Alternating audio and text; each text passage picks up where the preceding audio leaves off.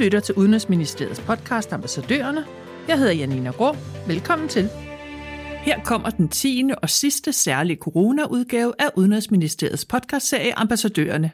I en række podcast har vi sat fokus på, hvad corona har betydet og betyder politisk og økonomisk. Vi er også kommet konkret ind på markedsmuligheder på nogle af de markeder, der er ved at lukke op, ligesom vi har set på den danske coronahjælp til nogle af verdens mest sårbare. Vi har set på lande i både Asien, Nordamerika, Afrika, Sydamerika og Europa. Vi slutter i Chile, og vi taler med den danske ambassadør Jens Godfredsen. Og velkommen til dig, Jens Godfredsen, som er med på telefon fra den chilenske hovedstad Santiago. Mange tak. Hvad er den aktuelle situation i Chile her og nu på coronafronten? Chile er et af de hårdeste ramte lande i verden af, af coronapandemien, og øh, der er stadig omkring 2.000 nye smittede per dag. Og hvis vi kigger lidt på tallene, så ligger Chile i, i top 10 over de lande, der har absolut flest tilfælde, sammen med lande som USA og Brasilien. Og det ligger faktisk nummer 4 i forhold til, til indbyggertallet. Der er 18 millioner chilenere, det vil sige, at landet er cirka tre gange øh, så meget befolket, som Danmark er. Er der nogen forklaring på, hvorfor Chile har så højt et antal smittede og, og coronadøde?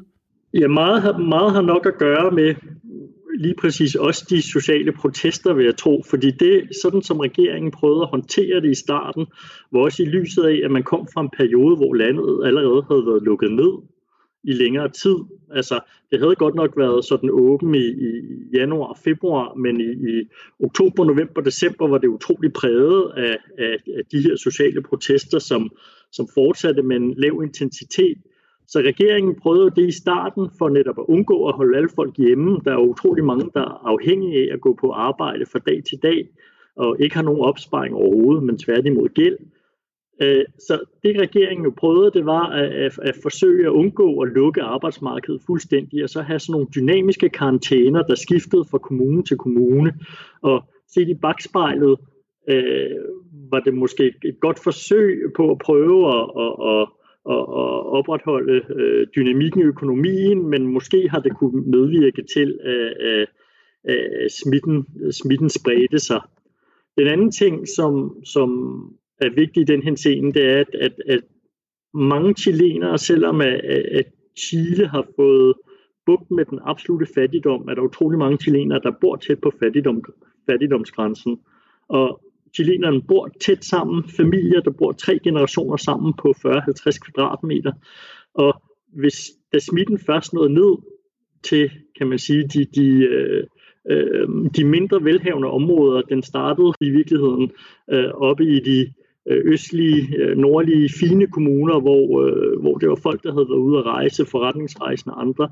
Da den kom ned til os, de, øh, de mindre velhavende områder, så gik det lige pludselig rigtig hurtigt, fordi der har befolkningen ikke nogen mulighed for for eksempel at være i karantæne. Altså hvis du bor fem mennesker sammen på 50 kvadratmeter, tre generationer, hvor skal du gå hen, hvis du bliver syg? Og så var det vinter i Chile, da pandemien startede. Ja, det, så ramte øh, pandemien jo for alvor der i, i, i maj, da, da vinteren indtrådte. Øh, og man kan sige, det var umiddelbart godt for Chile, der har, og især her for, for Santiago-regionen, der har været tørkeramt i 12 år, at man fik en, en, en forholdsvis, øh, eller en meget fugtig start på vinteren, men det har været skidt i forhold til, øh, at det har været koldt og fugtigt, og folk har siddet inde øh, med, med virusen cirkuleret her. Det har jo givetvis heller ikke hjulpet. Det er selvfølgelig svært at sige, hvilke af alle de her faktorer, der har været de vigtigste, men der er jo ingen tvivl om, at, at de her sociale forhold og, og, og klimatiske forhold, de har, de har vel givetvis spillet ind. Kan du fortælle noget om, hvor langt man er med genåbningen af samfundet generelt i Chile? Vi er stadig langt tilbage i forhold til Danmark for eksempel. Øh, på grund af, at smittetallet stadig er så stort, så er en meget stor del af landet og en meget stor del af hovedstaden stadig i, i fuld karantæne. Øh, de har lavet en plan, ligesom øh, vi har gjort i Danmark, på fem faser i forhold til, til den gradvise genåbning, og, og mange steder er man stadig i fase 1, der er karantæne, og nu er, er man så begyndt nogle steder at, er åbne, det vil sige, at folk kan gå ud med mundbind fra mandag til fredag, men, øh, men lørdag og søndag er der stadig karantæne for at undgå for meget mobilitet og for meget smittespredning. Så der kommer til at gå et stykke tid endnu. Hvordan med butikker alting er stadig lukket. Altså supermarkeder åbne, apoteker, alle de, kan vi sige, de livsnødvendige ting øh, er, er åbne, men, men, men stort set alt andet lukket. Der er nogle få butikker, der, der er åbnet nu her i den kommune, hvor jeg bor i her, den her uge, da man overgik til, til fase 2, som, som må have åbnet i begrænset antal timer fra mandag til fredag. Er der så mange mennesker på gaderne, når du går der, hvor du må gå? Ja, altså der er, der er begyndt at komme flere på gaden, men det kan slet ikke sammenlignes med, hvordan det er, øh, øh, eller hvordan det var før corona. Altså det, Santiago er en, en kæmpe by. Stort set næsten halvdelen af landets befolkning bor i Santiago, øh, inde i en dal øh, mellem Andesbjergene og, og kystbjergene. Så, så det er en super travl storby normalt, så det har været en helt anderledes oplevelse at opleve byen nu her i, i coronatider. Så normalt, når jeg cykler på arbejde om morgenen, så er der jo, så er der jo kø fra jeg, bilkø ind til byen fra, fra når jeg starter til, til jeg slutter på den kvarters tur herfra op til ambassaden. Og nu der kan jeg køre helt alene øh, op til ambassaden på cykel og nyde Andesbjergene, men det er jo på en trist baggrund. Og skoler og andre institutioner er så også lukket? Ja, det er en stor udfordring øh, for hele samfundet, og for os som ambassade og de kolleger, der har børn, der er, at de er netop meldt ud af, at mange skoler vil formentlig være lukket helt frem til marts næste år. Og, og det kommer jo til at betyde meget for dem, som har skolesøgende børn, fordi hvad skal de gøre? Øh, de er undervisningspligt hjemme, men, men nogen skal jo også ud og arbejde, så, øh, så det er en svær situation, det er det. Hvis vi skal prøve at male lidt med den brede pensel, hvad så er de økonomiske og politiske følgevirkninger af covid-19 i Chile?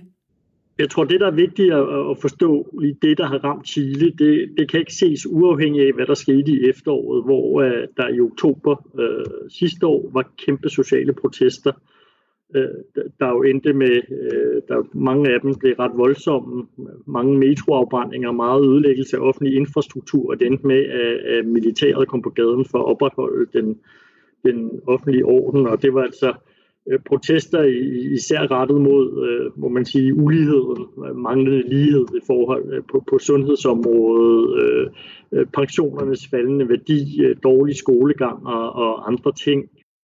Som stigning på metrobilletter for eksempel? Ja, det var den konkrete, det der udløste det helt konkret, det var, det var en stigning på 30 øre i, i metrobilletter, hvor de unge lavede sådan nogle sit-down-aktioner øh, i metroerne, og, og samtidig sådan nogle kør gratis aktioner. Øh, og det accelererede fuldstændig en, en, en fredag aften i oktober, øh, og efter du lige pludselig havde millioner af mennesker på gaden. Så der har, det har jo ligget og ulmet. Altså det har virkelig været, været dråben, øh, der fik bæret til at flyde over, eller gnisten, der, der antændte det hele. Så, så Chile, hvis man ser i, i forhold til coronaepidemien, så har du nu her snart til oktober haft et helt år, hvor at du i længere perioder har haft hele landet lukket ned, og det er noget, der kan mærkes. Og hvis man så kigger på det politiske følgevirkninger af covid-19, kan du sige noget om det også?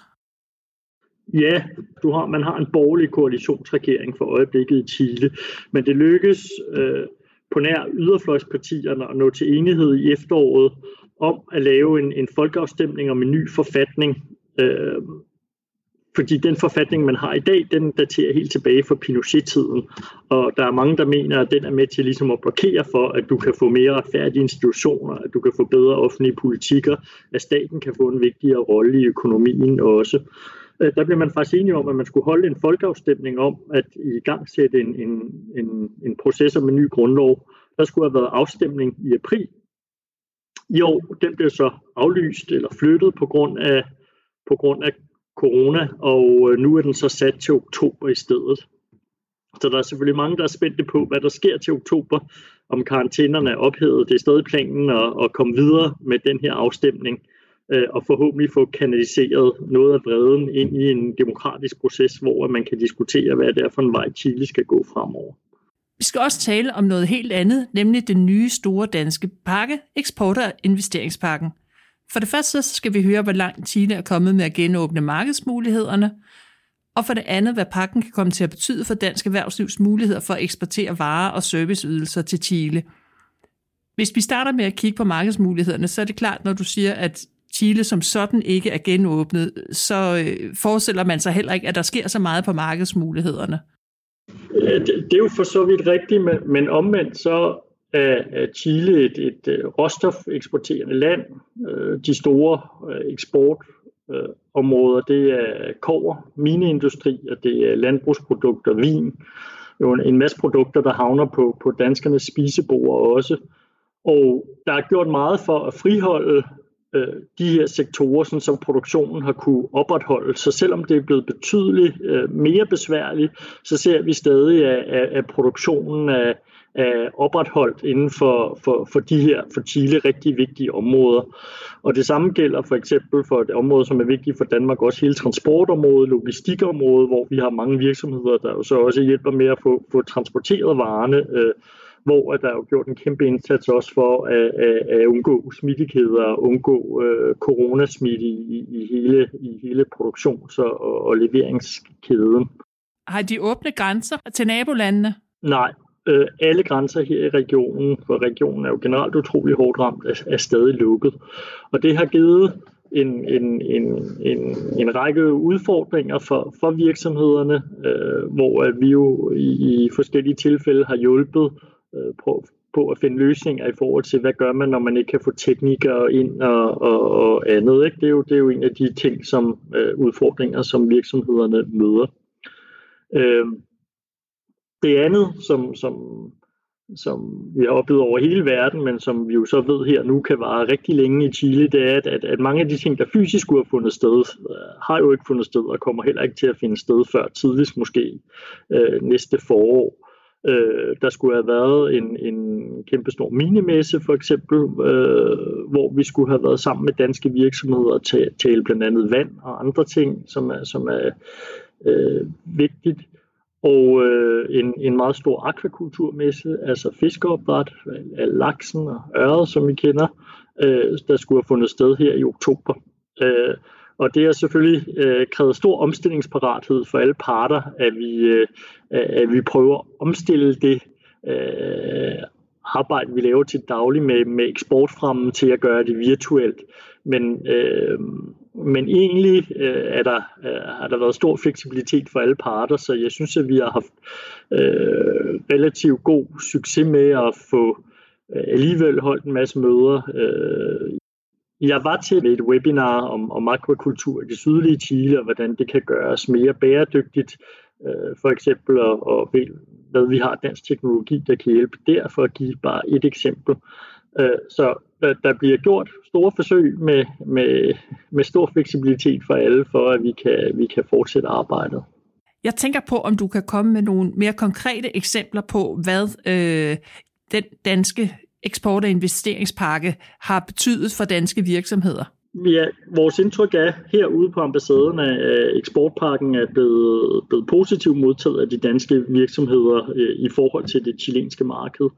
I forvejen er det jo sådan, at vi har mange danske virksomheder herude med datterselskaber, omkring 60, der øh, er 60 virksomheder i hvert fald, Øh, men en, en, en udfordring helt generelt, også før corona, da Chile ligger 12.000 km væk. Øh, sproget er spansk. Det er ikke altid, man lige kan finde nogen, der taler engelsk.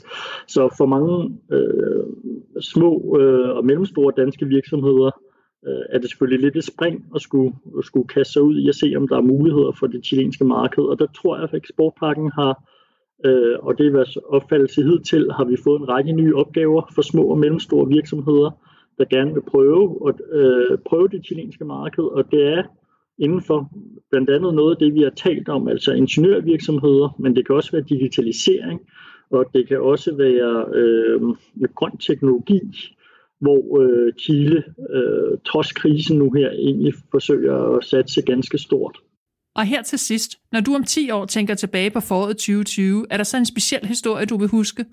Der er ingen tvivl om, at det, jeg sammen med kollegerne på ambassaden kommer til at huske, det er nok de uger, hvor vi skulle have danskere hjem fra øh, hele regionen. Ambassaden i Santiago, vi dækker også Peru og Ecuador, hvor vi jo måske sammenlagt har hjulpet over 1000 danskere hjem, der var strandet og at få hele det øh, til at lykkes med alt det, vi skulle igennem i forhold til alle mulige forskellige myndigheder, i forhold til at tale med, med alle dem, der sad på et område, der fra det sydlige Chile op til det nordlige Ecuador, og det er altså lige så langt som fra Danmark til Indien, og få, øh, få det til at spille og få, få folk hjem på en ordentlig og sikker måde, det, det, det kommer vi til at glemme herude.